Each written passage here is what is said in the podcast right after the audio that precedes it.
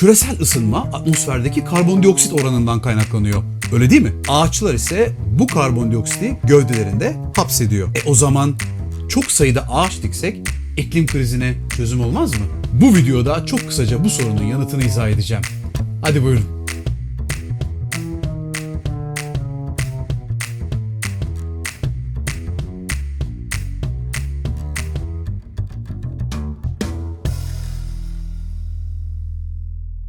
İklim krizine neyin sebep olduğu konusunda artık bir tartışma yok. Sebep beşeri faaliyetler. Orantısız, dengesiz tüketim alışkanlıklarımız. Her yıl atmosfere 10 milyar ton karbon salınmasına neden oluyoruz. Bu miktar sürekli artmaya devam ediyor tabii. Fakat çözüm noktasında farklı öneriler var. Bunların arasında en basit, en pratik ve ucuz olarak görüneni de ağaç dikmek. Doğal bir filtre görevi gören ağaçlar karbondioksit moleküllerini kullanıp ayrıştırıyorlar ve içindeki karbonu emiyorlar. Ve hesaplamalara göre 1 trilyon yeni ağaç dikersek mesele önemli ölçüde hallolacak. Çünkü bu miktarda ağaç ömürleri süresince sanayi devriminden bu yana neden olduğumuz emisyonların neredeyse üçte ikisini temizleyebilir. Üstelik bu kadar ağacı dikmek için uluslararası kampanyalar ve projeler bile başlatıldı. E ne duruyoruz öyleyse? 200 kadar ülke var. Her biri diksin 5 milyar ağaç ve bitsin bu iş. Öyle değil mi? Öyle değil. Neden? 1. Karbondioksit küresel ısınmaya neden olan tek sera gazı değil. 2. Her ülkenin böyle ağaçları dikmek için uygun bir alanı ya da iklimi yok. Olanlarınki de önemli ölçüde tarıma ayrılmış durumda. Ve 3. Enerji kaynaklarımız, ulaşım teknolojilerimiz, tüketim alışkanlıklarımız ve diyetimiz başta olmak üzere yaşam tarzımızla ilgili değişiklikler yapmadan 1 trilyon ağaç dikmek sadece kaçınılmaz olanı erteliyor. Konuya nihai çözüm getirmiyor. Dünyanın pek çok yerinde siyasilerin bu ağaçlandırma çözümüne ağırlık vermesinin arkasında fosil yakıt endüstrisi ve diğer sektörlerle kavga etmekten mümkün olduğunca kaçınma arzusu var. Aynı şekilde şirketler ve sektörlerde dikkat ederseniz bu ağaç dikme işini bir halkla ilişkiler faaliyetine dönüştürmüş durumda. Yani kirlettik ama bakın temizliyoruz mesajı vermek için. Çünkü kirletmeye neden olan üretim süreçlerini ve ham maddelerini değiştirmek çok daha maliyetli. Buna karbon offsetting deniyor. Bir yerde sebep olduğunuz emisyonu ağaç dikerek başka bir yerde atmosferden geri alma çabası. Fakat offsetting'in sorunu bunu sınırsız şekilde yapmaya devam edemeyecek olmanız. Yani herkes bunu yapmaya kalkarsa buna ne fidan yetişir ne böyle bir alan var ne de salınmış olan sera gazını anlamlı bir sürede atmosferden geri çekebilirsiniz. Kaldı ki emisyon üretmemde, çevreyi kirletmemde bir sorun yok. Çünkü ağaç dikiyorum şeklinde olaya bakmak sorumlu bir yaklaşım değil. Buna İngilizce'de self-licensing deniyor. Yani kötü bir şey yaparken kötü hissetmemeniz için yaptığınız bir iyilik üzerinden kendi kendinize verdiğiniz izin anlamında. Ekoloji tartışmalarında bunun en bilinen örneği enerji tasarruflu ürünlerde ortaya çıktı. Örneğin bu tür led lambalar kullanmaya başlayan tüketicilerin sonrasında toplam enerji tüketimi düşmek yerine artmaya başladı. Çünkü enerji tasarruflu lamba alan kişi o lambayı çok daha uzun süreler açık tutuyor. Tasarrufu daha az düşünmeye başlıyorlar. Nasılsa satın aldığım ürün benim adıma gerekli tasarrufu yapıyor diye düşünüyor. İşte aynı sebeple 1 trilyon ağaç projesi gibi çevreci organizasyonlara katılım gösteren ve destek verenler yaşam tarzlarından daha az ödün vermeye başlıyorlar. Çevre ve iklim için olumsuz olduğunu bildikleri eylemlerinin bedelini ödediklerini ve durumun eşitlendiğini düşünmeye başlıyorlar. Size bir örnek vereyim. Diyelim ki böyle bir projeye destek oldunuz ve 20 ağaç dikilmesini sağladınız. Bu o ağaçların yaşamları boyunca 1.6 ton karbon filtrelemesini sağlayacak. Tabii karbon katı element.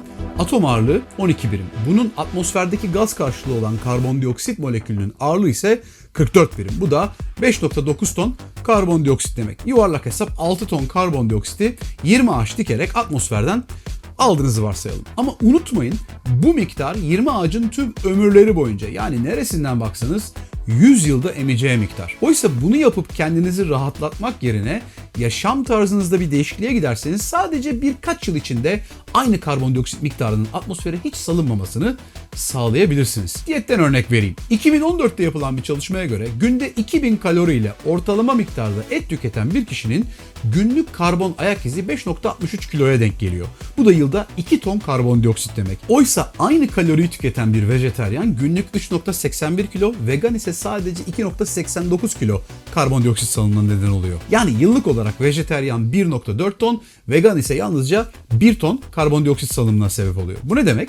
Sadece vejeteryan bile olsanız 20 ağacın bir asırda atmosferden temizleyeceği karbondioksiti siz tek başınıza 10 yılda atmosfere hiç salmamış oluyorsunuz. Vegan olmuşsanız bu süre 6 yıla düşüyor. Ulaşımda da benzer dramatik örnekler vermek mümkün. Bir yere uçakla gitmek yerine trenle gittiğinizde veya araba yerine bisiklet kullandığınızda inanılmaz farklar yaratabiliyorsunuz. Bunlar bir tarafa bilmeniz gereken bir diğer önemli şey şu.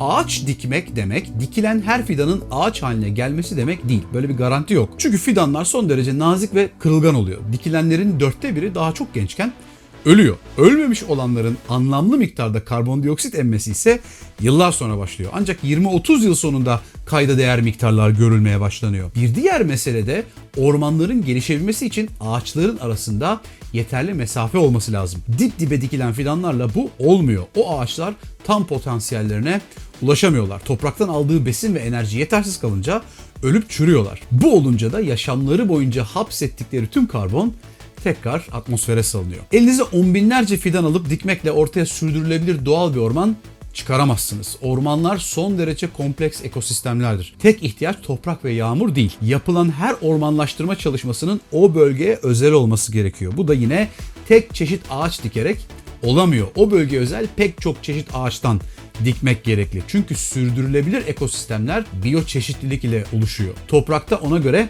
mantarlar olacak. Belli türde bitkiler ve meyveler ona göre oluşacak. O sayede ormandaki etkileşim ve tohum saçılımını sağlayacak olan belli hayvanlar gelecek. Maalesef pek çok yerde ormanlaştırma adına yerel olmayan ağaçlar dikiliyor. O ağaçlarda beraberlerinde getirdikleri yeni tür hastalıklar, ev sahipliği yaptıkları farklı tür canlılar nedeniyle var olan ekosistemi bozuyorlar. Yani bu uzmanlık ve bakım isteyen aslında oldukça maliyetli ve yorucu bir süreç. Ve doğru şekilde yapılsa bile ortaya çıkan sonuç yine de fazla anlam ifade etmiyor. Örneğin Hindistan onlarca yıldır bu amaçla ve bu özenle ağaç dikiyor ama bunun ekosistemi koruma veya ormanlaşma noktasında neredeyse hiçbir etkisinin olmadığı belirlendi. İlgili çalışmayı açıklamalar kısmında bulabilirsiniz. Kısaca ağaçlar nasıl dikilecek, hangi ağaçlar dikilecek, ne kadarı hayatta kalacak ve hepsinden önemlisi bu yeni ormanlık alanlar nereden bulunacak? Tarımsal alanlar feda mı edilecek? Bunun gıda fiyatlarının etkisi ne olacak? Sorular sorular. Yine hesaplamaya göre 1 trilyon ağaçlık kendi kendini sürdürebilir doğal ormanlar için 1.6 milyar hektar alan gerekli. Bu 5 tane Hindistan demek. Dünyada ise ormanlaştırma yapılabilecek alanların 1 milyar hektar civarı olduğu belirtiliyor. Yani ihtiyaç duyulanın çok altında ve bunu yapmayı başarsak bile bunca ağaç öyle hemen durumu düzeltmeyecek. Dediğim gibi bir asır sürecek. Oysa önümüzdeki 50 yıl içinde sorunu hali hazırda önemli ölçüde çözmeyi başaramazsak geri dönüşü olmayan noktayı geçmiş olacağız. Neden bir noktadan sonra geri dönüş yok? Çünkü kutuplar önemli miktarda güneş ışığını uzaya geri yansıtıyor. Kutuplar eridikçe onların yerini koyu renkli okyanus alıyor ve yansıtmak yerine ısıyı daha çok emiyor. Okyanus ısısı arttıkça daha çok buzul eriyor, eridikçe daha az yansıtıcı alan kalıyor ve bu kendini hızlandırarak devam eden durdurulamaz bir döngü haline geliyor. Yani evet bazı şeyleri şimdi yaptık yaptık bir noktadan sonra gereken her şeyi aynı anda yapsak da anlamı ve faydası olmayacak. Biz böyle geldik gidiyoruz artık bir sonraki nesil icabına bakar diyemiyoruz. Çocuklarımızı çok zor, torunlarımızı ise imkansız bir gelecek bekliyor. Dolayısıyla ne hacim ne de hız açısından bizim sorunumuzu ağaç dikmek çözmüyor. Peki Sertaç ağaç dikmeyelim mi yani hiç mi yararı yok? Hayır.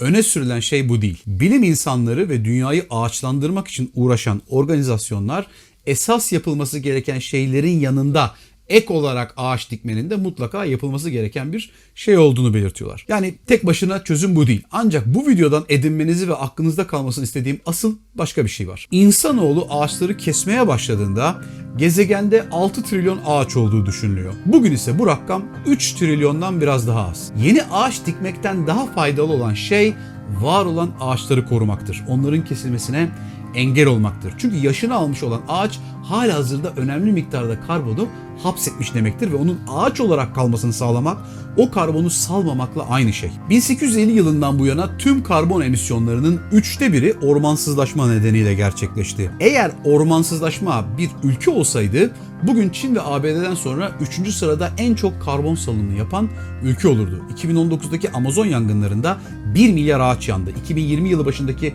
Avustralya'daki yangınlarda 10 milyar ağaç yandı. Bu yangınların bazıları doğal sebeplerle çıkıyor. Bazıları ise insanın eliyle bilerek ormansızlaştırma faaliyeti olarak çıkarılıyor. Açılan alanlara şeker pancarı, soya ve palmiye dikebilmek için. Dünya üzerindeki ağaçlarda tutulan karbon miktarı hala yer altında olan fosil rezervlerde bulunan karbon miktarından daha fazla.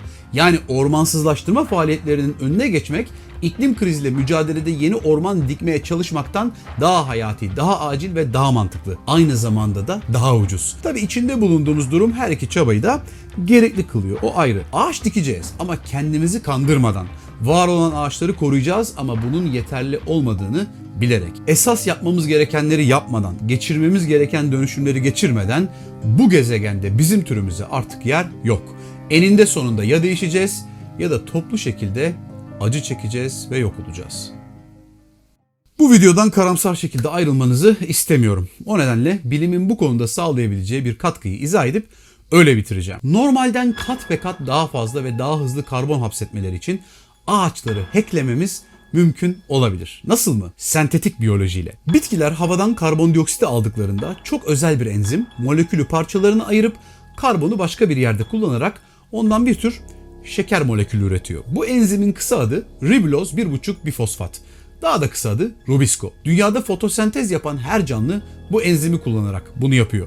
Yaşamı, her şeyi bu mikromoleküler makineye borçluyuz. Ne var ki Rubisco işini çok iyi yapamıyor. Hem çok yavaş hem de çok sayıda hata yapıyor. Molekülden karbon alacağına bazen oksijeni alıyor mesela. Üstelik bu hata oranı %20 civarında. Bir sürü enerji boşa harcanıyor yani. Diğer enzimler bir saniyede binlerce kimyasal işlem gerçekleştirebilirken bizim Rubisco saniyede en fazla 10 işlem yapabiliyor. Ama eğer Rubisco enzimini daha etkin ve verimli hale getirebilirsek inanılmaz bir iş başarmış oluruz. Bazı bilim insanları Rubisco genlerini bakterilere enjekte edip hızlı şekilde mutasyon geçirmesini sağlamakla uğraşıyor. Şimdiden elimizde çok sayıda yeni versiyonu var.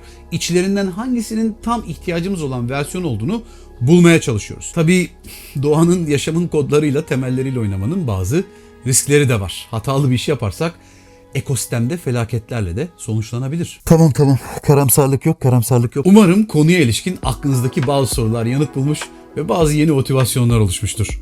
Bir sonraki videoda tekrar görüşelim mi?